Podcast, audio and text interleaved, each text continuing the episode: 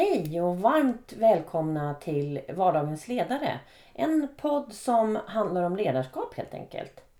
Den leds utav mig, Jenny Johansson och eh, varje vecka så har jag med mig en ledare som berättar om sina utmaningar, behov och erfarenheter ifrån sin vardag. Välkomna tillbaka till Vardagens ledare. Hoppas att ni har njutit av lite ledighet ni också i mellandagar. Det var ju egentligen arbetsgivarens jul kan man ju säga med tanke på att vi inte hade så mycket klämdagar och så som man brukar utnyttja och ta lite ledigt. Men jag har sett i alla fall på sociala medier att det är väldigt många som ändå har tagit någon vecka här och där. Jag eh, tycker att eh, det är helt underbart med ett nytt år. För mig skapar det så mycket energi. Vad tycker ni? Är ni såna här som gör nyårslöften med massa målsättningar? Ni ska bli tränade, ni ska göra bättre affärer och ni ska äta bättre och ni ska ta hand om er själva. Eller är ni de där motsatta som tänker att nej, man ska inte sätta några nyårslöften. Man ska vara, bara vara. Det är ju lite olika det här med hur, hur vi gör. Men för mig personligen så är ett nytt år en ny start, nya möjligheter och eh, att jag får så otroligt mycket energi utav det. Bara tanken på att få massa nytt. Eh, på Makat så gjorde ju Gun och jag nyåret 2016 tog vi ett beslut att 2016 skulle bli ett år där vi utvecklade nya produkter. Och det har ju vi gjort. Så vi har inte gjort eh, lika mycket insatser som vi brukar göra. Vi ville ha den energin till att utveckla och gå utanför våra egna eh, gränser lite grann och utmana oss. Den här podden framförallt är ju ett sånt exempel på vad som har skett under 2016. Och Gun har utvecklat en massa nya produkter för ledningsgrupper och för teambildning.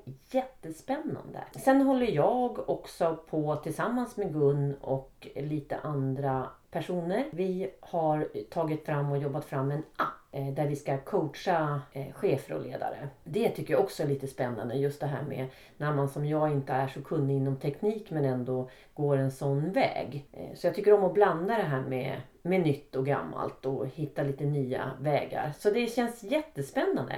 2017 är ju ett år där Gun och jag har bestämt att vi är tvärtom. Vi ska utve fortsätta utveckla de här sakerna som vi har tagit tag i redan. Men vi ska också göra mycket insatser så att vi har redan massa inbokat. Framförallt vårt ledarskapsprogram då, som börjar i mars. Det kan ni hitta på vår hemsida. Men också insatser i just teambildning och ledarskap. Det ska bli jättekul! Så 2017, jag välkomnar dig med öppen famn. Och nu så går vi in på veckans sponsor, Vass Kommunikation. Det är också ett drivet ungt företag. De har ju funnits i drygt ett och ett halvt år nu. De kommer snart anställa sin eh, femte person. Jättekul! Otroligt duktiga. Jag älskar att samarbeta med dem när det gäller sociala medier. De har bland annat hjälpt oss nu att ta fram eh, veckans utmaning som finns på Makats sida på alla sociala medier. Men de hjälper oss med massor när det gäller nyhetsbrev, texter, korrekturläsning framförallt i både rapporter och till kunder. Nu till veckans avsnitt nummer 16. Och det är Ulrika Drakenberg vi ska få lyssna på. Det här är en ledare som har haft en otroligt spännande resa. Och jag tänker spontant att ibland, det blir inte alltid som man har tänkt sig men det kan bli otroligt väldigt bra i alla fall. Om inte bättre många gånger. Och hon går väl efter mottot ensam är inte stark och man som ledare behöver faktiskt inte kunna allting. Så välkomna 2017 avsnitt 16 av Vardagens ledare. Det är ju häftigt med det här hotellet Alltså du landar ju bara... Hur många meter är det här? Det är ju stenkast. Det är ju stenkast ja, ja, till Bromma liksom flygplats. Det är suveränt bra. Ja. Och närheten, absolut. Och vad glad jag är att Maria Wernke i spetsen. Hon slogs ju rätt hårt för att vi skulle få vara kvar Bromma flygplats. Vilket är otroligt betydelsefullt. Inte minst när man driver verksamhet i landet. För, för vår del, eh, jag är ju verksam i Halmstad. Ja. Och för vår del så är det ju helt avgörande att vi har en flygplats. För att man ska kunna ha eh, i besöksnäringen ja, och alltså gäster som kommer på ett enkelt sätt till och från eh, Halmstad. Ja. Bland annat, men det gäller ju alla mindre orter. Visst gör det det. Nej, jag är jätteglad. Jag, och jag är så glad att du tog dig tid för att du med mig. Du ska göra ett stort event här idag. Eller en stor, vad är det? En stämma En stämma är det, Just precis. Det. Mm. Jag är ju hotelldirektör och VD för Best Western Plus mm. Grand Hotel i Halmstad. Och eh, Best Western har ju då en stämma här idag. Ja. På så det är perfekt. Och så tar men... du 30 minuter med mig här Ulrika. Ja, men det tycker jag känns fantastiskt. Ja. Det ska bli jätteroligt. det har jag sett fram emot verkligen. Ja, kul. Mm. Och så lärde vi känna varandra genom Pia Klamming. Ja. Alltså den kvinnan är ju helt fantastisk. Hon är otrolig ja. personlighet och eh, faktiskt en förebild för mig eftersom jag har haft förmånen att växa upp med henne. Ja, just det. Som en bonusmamma kan ja. man säga. Ja, absolut. Men jag har lärt känna henne nu, bara alldeles nyligen. Och hon är så otroligt kompetent. Men nu tänker jag säga så här. Välkommen till vardagens ledare Ulrika Drakenberg. Tusen tack! Ja, Jätteroligt att vara här. Ja, och så spännande det här ska bli tycker jag, att ja. höra din resa. Mm, härligt! Eh, och eh, vem är du Ulrika? Vem är Ulrika? Eh, numera är jag boendes i Halmstad men jag är uppvuxen i Stockholm arbetar som sagt som eh, VD och hotelldirektör eh, på Grand Hotel i Halmstad. Mm. Och har väl eh, snart 30 år i bakgrund ifrån besöksnäringen. Väldigt spritt egentligen. Allt ifrån att jag har jobbat i kök till att jag har drivit båtcharter på Strandvägen. Varit med och startat upp Hasseludden konferens och Yasuragi och jobbat på ett antal olika anläggningar i Stockholmsregionen. Ja. Men sen så för 16 eh, år sedan så flyttade jag ner till Halmstad med min dåvarande man eh, och våran precis nyfödda dotter. Okay. Då var jag tjänstledig från Hasseludden, ja. Eh, eller mammaledig. Och min dåvarande man jobbade i Halmstad och vi bestämde oss för att flytta ner till Halmstad på prov. Eh, och då passade jag på då medan jag var mammaledig och kunde vara hemma och känna av lite grann hur trivs jag i en ny stad. Och... Ja, för det är inte så himla lätt. Nej, och jag hade, och, uh, hade absolut ingen anknytning till Halmstad överhuvudtaget. Så det var precis som ett vitt blad. Mm. Jag visste inte vare sig var posten låg eller var man gick Nej. och handlade eller någonting. Så det var verkligen att sondera en helt ny terräng. Mm. Väldigt spännande och uh, jag kände att nej men nu, nu hoppar jag och, och provar och ser hur det här är. Och sen ganska slag i slag så fick vi barn nummer två, det bara något år mellan dem, så då kom sonen Love. Okay. Så att då hade jag ju möjlighet att eh, den här provperioden i Halmstad blev ju i stort sett tre år då jag var föräldraledig ifrån Hasseludden då, då jag var hotellchef. Ja, just Vad heter dottern? Ellen. Ellen, ja. Ellen och Love. Ja, ja, precis. Så att Ellen är ju 16 idag och Love 15. Och vi blev ju kvar i, i Halmstad även om det då har runnit ganska mycket vatten under broarna sedan mm. jag flyttade dit. Ja men ändå på bara 16 år så sitter du nu som VD på, vad heter hotellet exakt? Best Western plus Grand Hotel det. heter det. Ja. Eh, så det är ju ett eh, privatägt hotell vilket gäller alla hotell som är med i Best Western kedjan. Mm. Som ju är en marknadsföringsorganisation.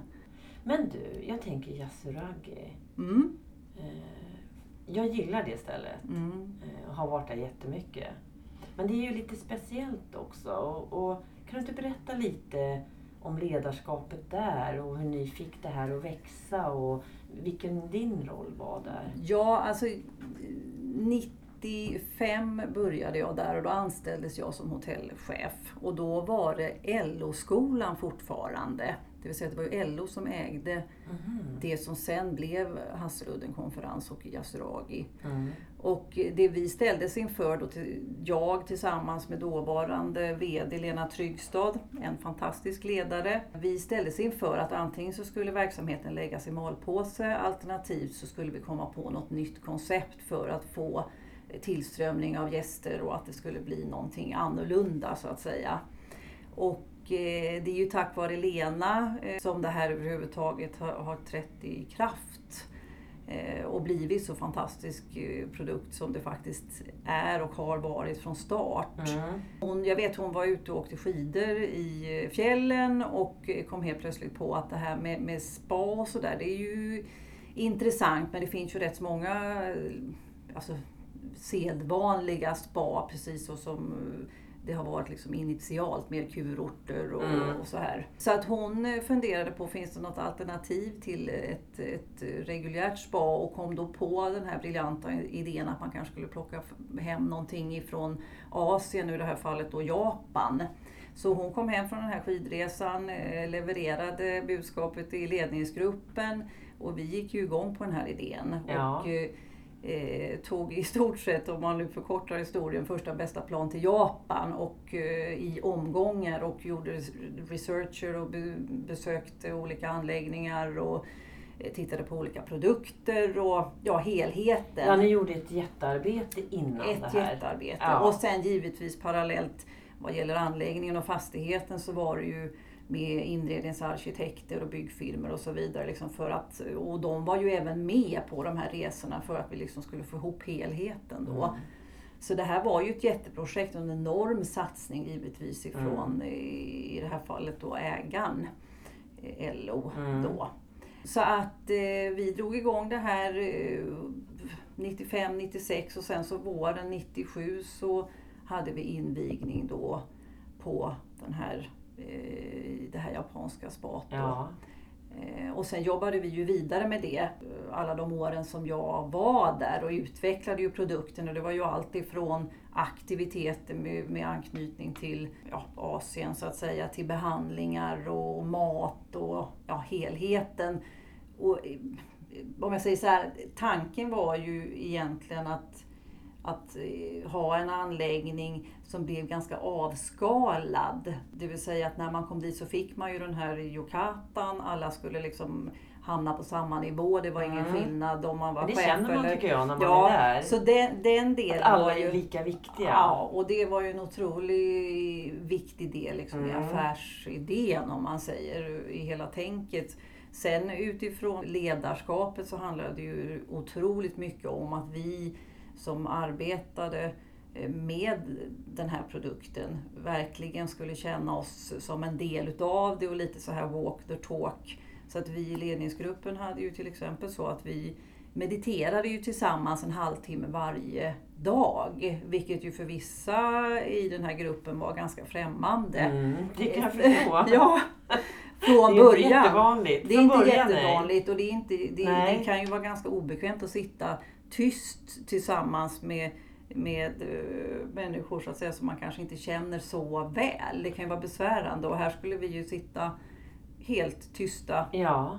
en halvtimme varje dag tillsammans. Vad gällde det här? Alltså det gav det? ju när alla hade kommit över den här besvärade känslan så var det ju någonting som vi längtade efter. Mm. Och framförallt så kändes det som att vi verkligen kunde tala för, liksom, vi kunde leverera budskapet med hela tanken mm. med Yasuragi eh, genom att egentligen bara gå till oss själva och det här Det var genuint i var och en. Ja, precis. Mm. precis. Var det också mera, jag tänker ofta i ledningsgrupper, jag tänker öppenhet och jag tänker ta det till nästa nivå. Jo men det blir det ju för på något sätt när man, när man, ska göra, när man kommer över rädslor tillsammans. Mm. För det är ju mm. en slags rädsla att, man ska vara, att det är lite pinsamt. Eh, till exempel att mm. man ska sitta och meditera. Eller vi hade ju andningsövningar. Alltså vi gjorde ju en massa Just. annorlunda saker som kanske inte någon av oss hade gjort innan. Nej. Och så gör vi det tillsammans och sen till slut så blir det, ju, det blir ju en väldig dynamik i den typen utav grupp. För då blir man ju mer och mer trygg tillsammans. Man, Eh, går över gränser eller vad jag ska säga, eh, personliga ja. gränser så gör man det tillsammans. Det, blir ju, det, det, skapar ju givetvis en gemenskap. Och just det här att man vågar lyfta saker ja. som man kanske i vanliga fall inte skulle ha gjort. Nej, men så... Tack vare att det varit mer öppet. Absolut, och, ja. absolut. Så att där var ju det, en, eftersom det hängde så väl eh, samman med konceptet, mm. så blev det ju väldigt naturligt att vi gjorde så som vi gjorde. Det vill ja. säga, eh, ja, allt med meditationen till eh, ja, annorlunda övningar som vi då gjorde tillsammans som hängde ihop mm. med, med, med ja, det känns hela som det är ett genomtänkt koncept. För du berättar ju också om att när ni tog fram namnet. Just det. Ja. Jo, ja, alltså, det var ju jag och Lena som satt tillsammans med vår reklambyrå och skulle diskutera. För Hasseludden hade vi, för det var ju en given del så att säga. Med att det ligger, vandringen ligger ju på Hasseludden. Och, eh, mm. Så det skulle ju vara med. Och sen så skulle vi då lägga till någonting som stod för den här helheten. Och något sånt ord eller namn fanns ju inte att hämta egentligen.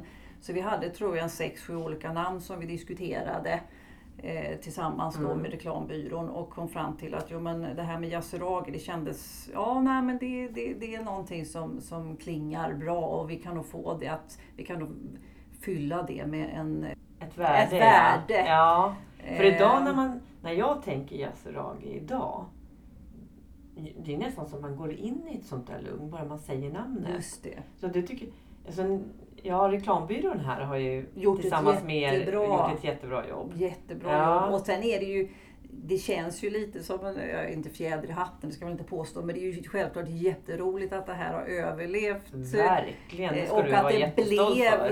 så ja. som vi faktiskt tänkte oss. Mm. För det är ju nästan i var mans mun. Säger man Yasuragi då så vet ju huvuddelen av dem man träffar vad det är. Mm. Precis. Och egentligen var det liksom ingenting från början. Nej. Så. Men jag tänker koppla till dig här nu Ulrika. Så det känns som du tycker att det är väldigt viktigt det här med att man ska vara genuin och, och det här nära och så. Har jag, har jag tolkat det rätt? Du har tolkat mig helt eh, rätt. Jag, alltså dels har jag ju tagit med mig det här ifrån min tid på Hasseludden. De här mjuka värdena och hur mm. viktiga de är. Och jag har ju implementerat det. Om jag nu tittar i min nuvarande roll som VD och hotelldirektör på Grand Hotel så eh, är det så jag arbetar även idag. Nu är det ju inte så att vi mediterar tillsammans eller så, men de här mjuka värdena, om jag nu säger något så enkelt som att ge en kram eller ta en kram så att säga mm. när man mm. träffas på morgonen.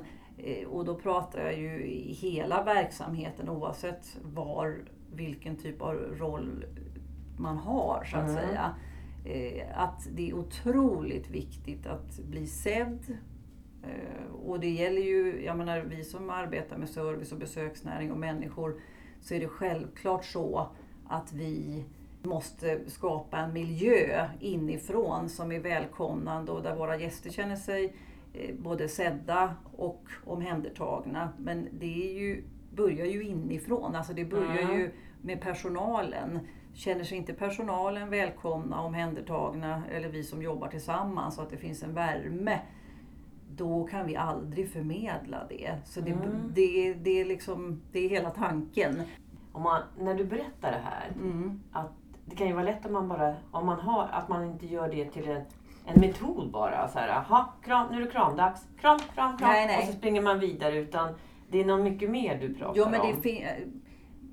Om jag säger så här, det, är, det är ju väldigt mycket jag kan jag ju säga. Alltså ja. Jag är ju så som person. Mm, det. Så det är klart att det är ju lättare. Det blir ju inte, för mig är det ju inte något påklistrat eller krystat eller på något sätt. Utan det här är ju någonting som kommer ifrån mig själv. Mm. Men det är härligt att se, ungefär som att det här med Yasuragi faktiskt blev någonting, så ser jag ju också att när jag har implementerat det här tillsammans med mina medarbetare och min personal, så ser ju jag att de faktiskt också kramar varandra. Ja. Så det är ju inte bara att jag står för Nej. det, utan det finns en värme. Nu säger inte jag att kramen i sig, men... Nej, jag förstår vad du menar. Jag men det är ju liksom... Att... Eh, mm. Det är, ju he, det är ju hela tanken och framförallt det här att bli sedd. Mm. Jag ser dig. Mm. Jag frågar dig, hur, hur mår du? Mm och titta dig i ögonen och faktiskt, och, och mår du inte bra eller det är någonting som inte, du behöver inte säga att jag mår bra utan du kanske har en dålig dag, ja, men då pratar vi om det. Mm. Stanna upp, ta dig tiden, se varandra. Så, mm. så jag höll på att säga att det är mycket liksom, av min dag som går till att eh, faktiskt bry prata om. och bry mig om mina medarbetare. Mm. Har du märkt någon skillnad kan du se hos medarbetarna att det här är lyckosamt? Att Absolut. Det är en, det är en tillväxtfaktor? Eller hur ska jag, nu blir jag lite hård i mina liksom, Nej men jag förstår. Nej, men, nej, men det, det, alltså, om jag säger så här, målbilden är ju att vi ska mm. göra goda affärer i ja, exakt. Så, så det är det ju. Så det, är ju inte något, det, det, handlar ju inte om något lullull så. Utan det är ju vägen dit. Mm. Och jag ser att det är absolut positiva effekter. Mm. För på något sätt så är det ju till och med så att det finns ju vetenskap som säger att eh, om man kramar om någon i, i sju sekunder eller någonting så får man en massa Energi. härliga energier i kroppen och mm. bara det, då, då lyser det ju helt plötsligt. Verkligen. Ja, vad härligt att komma jag kan ju tänka mig att ni kanske får en sån feedback från kunderna också. Absolut. Ja. Fantastisk eh, feedback vad gäller, mm. vad gäller personalen hos, eh, jag säger mm. hos mig, men hos oss. Mm. Och verkligen, det är liksom alltid topp.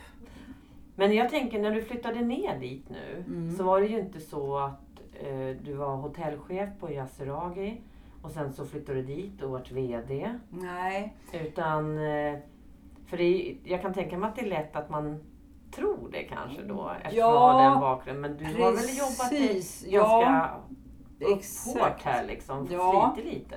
Jag eh, hade nog den uppfattningen om att jag med min erfarenhet skulle ha ganska lätt för att få jobb eh, när jag kom ner till Halmstad. Och riktigt så enkelt eh, visade det sig ju att det var det ju inte. Nej. Så att jag... Hur kändes det? Nej, alltså det kändes ju jag var så förvånad ja. Eh, på något konstigt. Och det är ju lite naivt egentligen. Men, men jag kände att herregud, här kommer jag och med all min erfarenhet. Eh, och det lyckade bakgrunden också? Ja, ja, ja visst. Mm. Och jag vet inte om det var det som var problemet.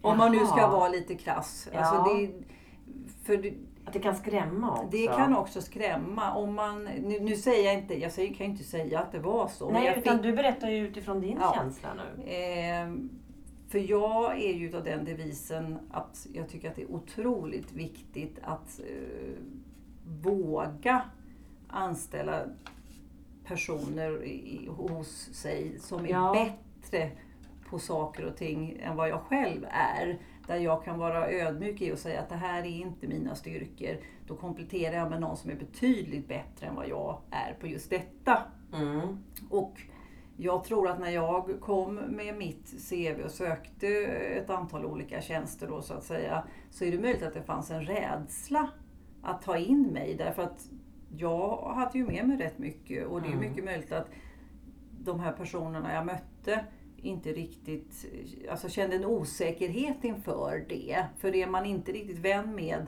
att man inte är bäst på allt mm. så finns det också en rädsla att man ska bli upptäckt. Eller liksom så här, oj, ja.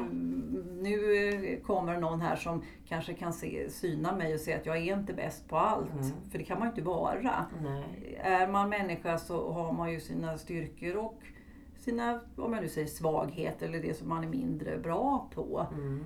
Eh, så, så snart man blir vän med det så har man ju hela världen framför sig på något sätt för då kan man komplettera med rätt personer omkring sig. Verkligen. Så att jag kände som sagt att det var inte alldeles enkelt. Nej. Så att jag fick ju backa bandet från eh, för jag startade ju min eh, karriär i branschen som receptionist eh, på hotell. Efter att jag hade varit en kortare period och jobbat som kock i kök. Men det visade sig att det var rätt så hårt klimat att jobba i kök. Jag kom precis, tror jag, ett par år för tidigt ut som kvinnlig kock så att säga. Mm. Ja, det här var innan du, det här var när du pluggade? Det var när jag liksom. pluggade, ja, ja förlåt. Precis. Jag ja. hoppar, jag vill bara så att vi drar, ja, ja. drar tillbaka lite. Ja, ja precis. Så det var, mm. jag, exakt. Och, så du utbildade dig till kock? Jag utbildade mig till kock ja. på restaurangskolan och har, hade och har ett stort intresse för eh, mat och dryck så att säga. Men eh, upplevde ju att det var en väldigt eh, tuff jargong i kök och så vidare. Och det var som sagt ett par år innan det blev lite mer hippt att vara kvinnlig kock. kock. Ja, just det. Ja. Mm. Men så att jag, sen när jag kom ut mer på hotellsidan så började jag då som receptionist. Och vad jag ville koppla ihop detta ja. med var att när jag då flyttade till Halmstad och när jag fick mitt då första jobb sen, då blev det helt plötsligt återigen efter den långa erfarenheten, börja om från början. Så då jobbade jag, fick Hur jag en tjänst... hanterar du det här Ulrika?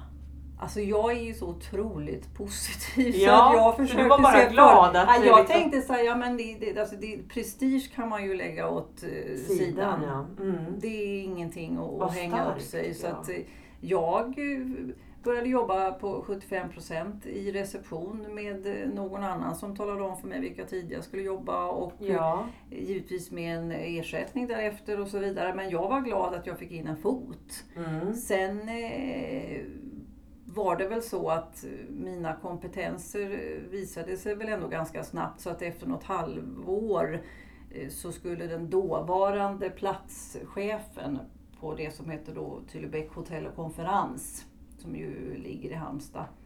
Eh, han skulle gå i pension och så sökte man hans efterträdare. Och då sökte jag den tjänsten. Så det är klart att det var ju då från receptionist på 75% till att driva hela anläggningen. Ja. Men eh, det gick ju vägen. De ja. hade väl sett mina eh, styrkor, styrkor och, ja. och, och, och, tänkte att jo men det här kan hon säkert fixa. Och också i kombination och sett att du är en ödmjuk och väldigt god människa. Ja, så mm. det stärkte säkert mm. mina eh, möjligheter ja, liksom, att få den tjänsten. Så, att, eh, så då tillträdde jag där bara efter något halvår eller så. Det kändes givetvis väldigt bra för det kändes mm. för kanske mer för mig rent eh, vad gäller utmaningen.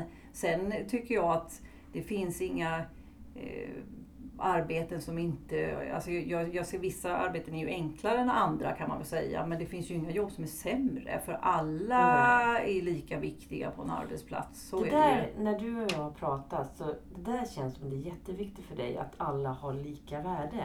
Ja. Är det så du också agerar Alltid, som VD? Absolut. Liksom? Mm. Och, och ha, jag tycker att det, jag är Alltså rent så här socialt eller vad jag ska säga så, så vurmar jag ju otroligt mycket för de som kanske står lite längre ifrån arbetsmarknaden. Ja, kanske nysvenskar, unga som har svårt att komma in, i, in på arbetsmarknaden. Ja, men alltså, det kan vara det finns ju så många olika människoöden höll jag på att säga. Men, men jag är otroligt öppen för och vill gärna öppna dörrar. Precis som jag ju upplever att jag har mött människor i min eh, karriär som har öppnat dörrar för mig och som har trott på mig. Eh, och där tycker jag att det är så viktigt för mig att på något sätt ge tillbaka och viktigt för mig att öppna dörrar för andra. Mm. Och visa att jag tror på dig, det här fixar du, det här ska vi lösa ihop. Mm. Och då som jag säger, det spelar inte någon roll egentligen på vilken nivå. Och det spelar absolut ingen roll varifrån man kommer eller vilken hudfärg man har eller vilken kultur, kultur eller, Nej, eller kön eller ja. läggning eller vad. Utom eh, hitta se, kompetenser. Ja, precis. Ja. Hitta kompetenser och se människan på något sätt. Mm. Det är så enormt ja, viktigt. Och det ger ju så fantastiskt mycket tillbaka. Mm. Alltså det är ju så glädjande att se eh, hur människor, medarbetare, personal växer Hur får du dem att växa, Ulrika? Vad är, det, vad är det mer du gör förutom det du har sagt redan? Alltså jag, jag tror ju så otroligt... Alltså, frihet. Att ge frihet mm. till var och en att lösa en eh, gemensam överenskommen uppgift men på sitt eget sätt. Eh, att det är inte säkert att mitt sätt är det bästa utan att faktiskt så finns det många sätt att komma till samma mål. Mm. Och eh, jag tänker och tror att jag är bra på att få andra att våga gå sin egen väg även om vi som sagt har ett gemensamt uppsatt mål.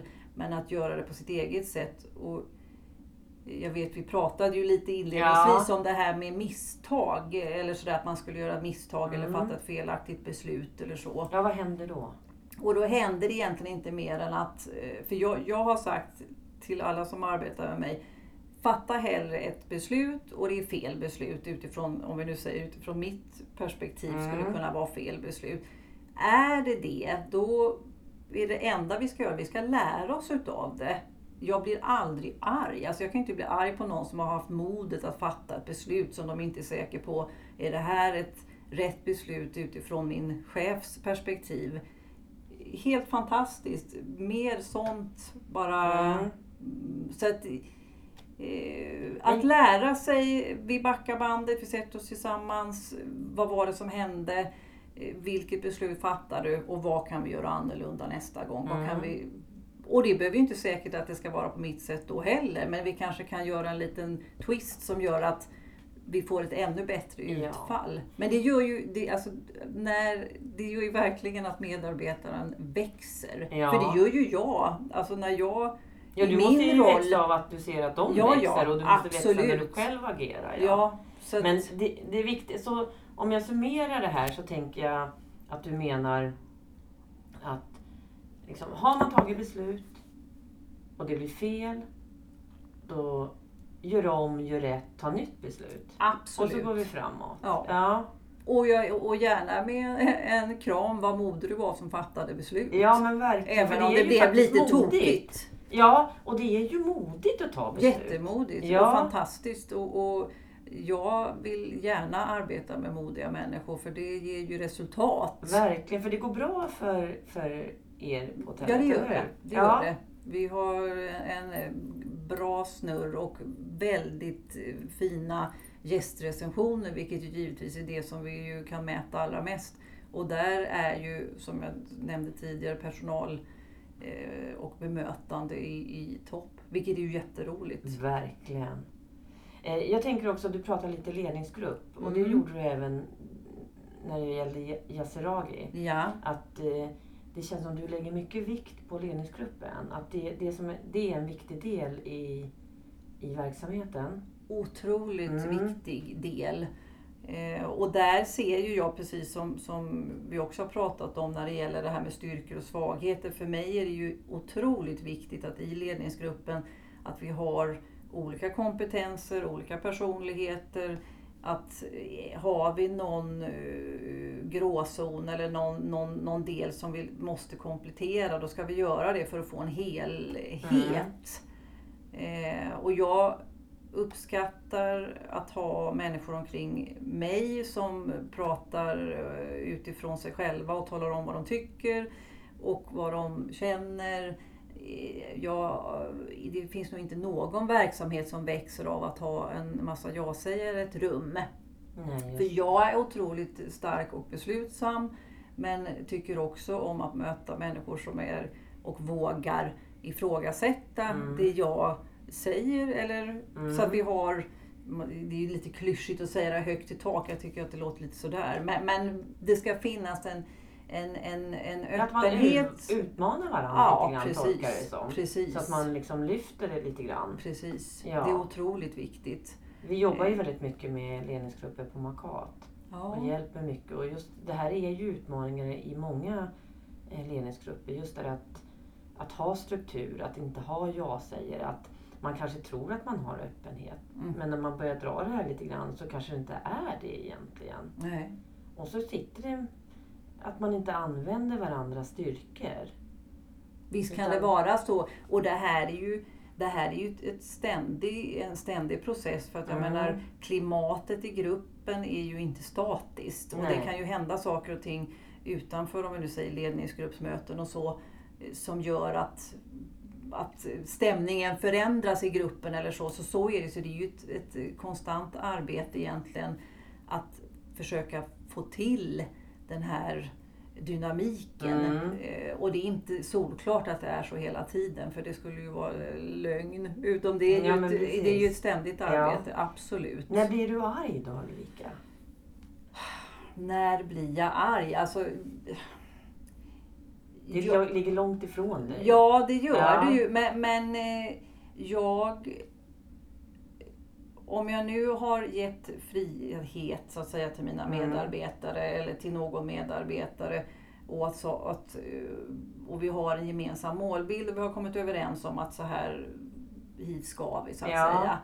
Jag kan ju bli arg eller frustrerad kan jag väl säga. Ja, mer, mer frustrerad. Ja, när, när man inte kommer till målet. Alltså när, när det är eh, eh Stakigt? Eller ja, precis. Så, ja, eller? ja, hackigt och, och, kanske också att jag inte riktigt känner att eh, personen i fråga gör sitt allra bästa för att vi ska komma dit. Utan Vad gör du då? Jag pratar. Ja. pratar för du går med... inte in och gör? Utan... Nej, Nej. alltså det det är möjligt, jag, jag, tror inte att jag gör det, men det är mycket möjligt att jag ändå gör det. Jag vet inte, det Nej. var en svår fråga. Ja. För jag, jag har ju en, eh, som ju när vi har diskuterat kommer fram till en styrka, men jag är ju väldigt snabb själv.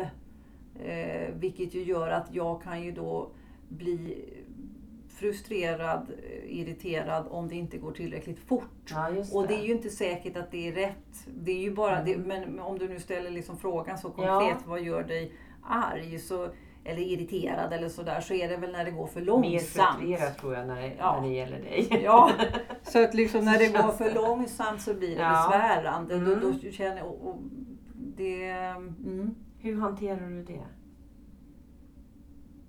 Hur hanterar jag det? jag försöker ju resonera med mig själv eftersom jag ju vet att jag är så, det vill säga snabb. Att försöka ha lite tålamod.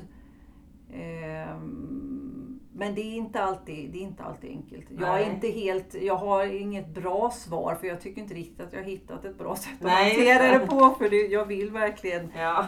se resultat och, och är väldigt mycket doer själv. Mm. Så att är det då några i min omgivning som inte kanske är precis på samma sätt men som säkert kommer till mål så småningom så, så tycker jag ju att det är besvärligt. Ja, men du lär dig säkert massor av det samtidigt. Oh ja. ja, oh ja. precis. Och jag vet, eh, jag fick ju lära mig utav Lena då på, på Hasseludden. Hon, eftersom jag alltid har varit likadan och fattat snabba beslut och varit snabb överhuvudtaget så, så lärde hon ju mig att du måste sova på saken ibland gå hem mm. och sova på saken. Tänkte jag så här, okej okay, jag får prova det. Då. Men det var väl ett bra råd? Ja men, ja, men ett mycket bra råd. Ja, men ja, inte men så lätt alltid. Inte så lätt. Men jag, det kan ja. jag väl säga att jag försöker. När jag hamnar i det där så tänker jag att gå hem och sov på saken ja. Ulrika. Och så... Men det har ju gått väldigt bra på hotellet och du gör ett väldigt gott jobb. Så det är väl mer en styrka att du är snabb och beslutsstark. Ja men så har jag kommit underfund ja. med att eh, just i min mm. roll så är det nog en fördel. Mm, om, man nu, om alternativet skulle vara att jag mm. inte var det så hade det nog varit sämre. Ja, verkligen. men jag tänker också för eh, många, hur, hur skaffar du energi? För vad jag har förstått så tycker du att det är viktigt det här med att man balanserar privat och arbetsliv. Mm, och att, mm. Eh, jag eh, får väldigt mycket energi. Alltså dels tränar jag mycket. Jag mm. kör spinning tre månader i, i veckan.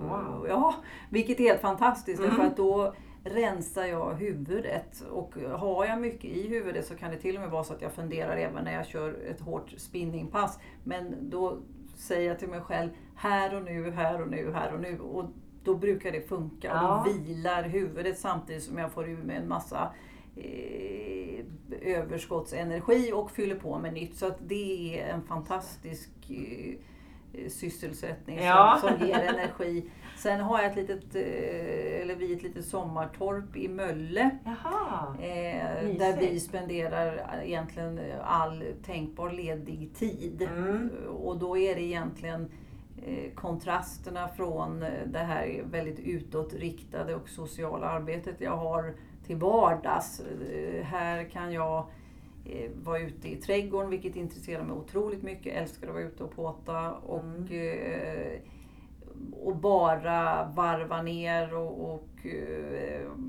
bort med allt smink, sätta på de här sköna kläderna som ja. bara finns på landet och liksom långa promenader och, och inte minst umgås med min trevliga man. Mm. Ja. Härligt! Ja.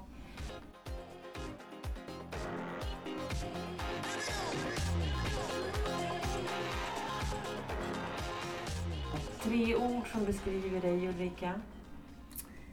Ja, eh, snabb då. Mm. Modig. Och varm. Mm. Allt det där känner jag. Vad härligt! Ja, ja, ja men då, då är det inte bara min Nej, jag känner också det. Eh, om du vill skicka med lite råd och tips till eh, ledare och chefer som eh, kanske inte har så lätt för det här med att titta på nya sätt och metoder och, och våga vara sig själva riktigt?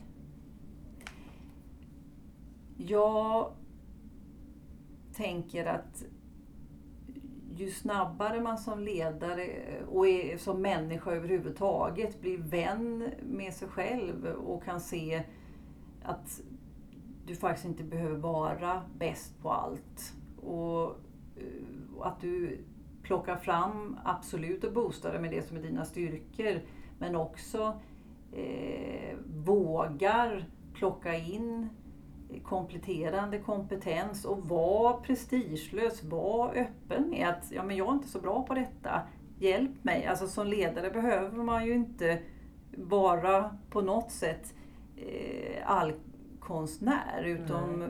sträck ut en hand, mm. be om hjälp med det som du känner att du behöver hjälp med. Mm.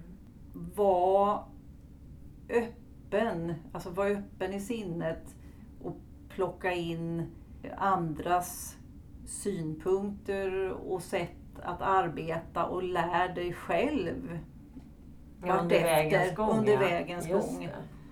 Mm. Och så se till att ha roligt. Det ska vara roligt att jobba, det ska vara roligt för dig själv och det ska vara roligt för de som är omkring dig. Mm. Och vara positiv. Stort, stort, varmt tack Ulrika att du ville vara med i Vardagens ledare. Ja men härligt och jag är ja. jätteglad för att jag fick vara med och hoppas att jag kan ge lite positiv energi. Är det bara någon som tycker att det var roligt att lyssna på mig så blir jag jätteglad. Jag blir chockad om det inte skulle vara så. du, då möts vi igen Ulrika. Ja, det ser jag fram emot. Ja. Hej på dig. Ja, men hej.